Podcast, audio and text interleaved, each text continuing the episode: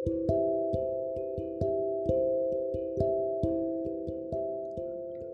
ada yang baik-baik aja tentang sebuah arti merelakan.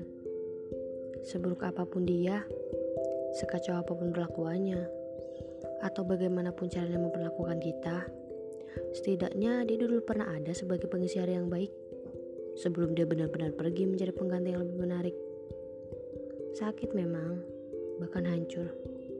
Namun apalah daya, ketika hati tidak ingin singgah lagi, mau gak mau harus direlakan bukan karena tak sayang, namun menyakiti diri sendiri itu bodoh.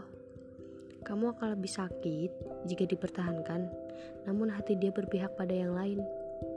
Merelakan memang jalan tersulit, namun memperbaiki diri adalah penyembuhan terbaik atas rasa yang pahit.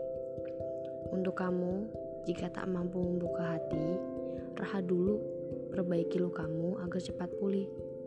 Tak usah terburu-buru, mencari yang baru, karena yang terbaik datang dengan sendirinya tanpa kamu minta.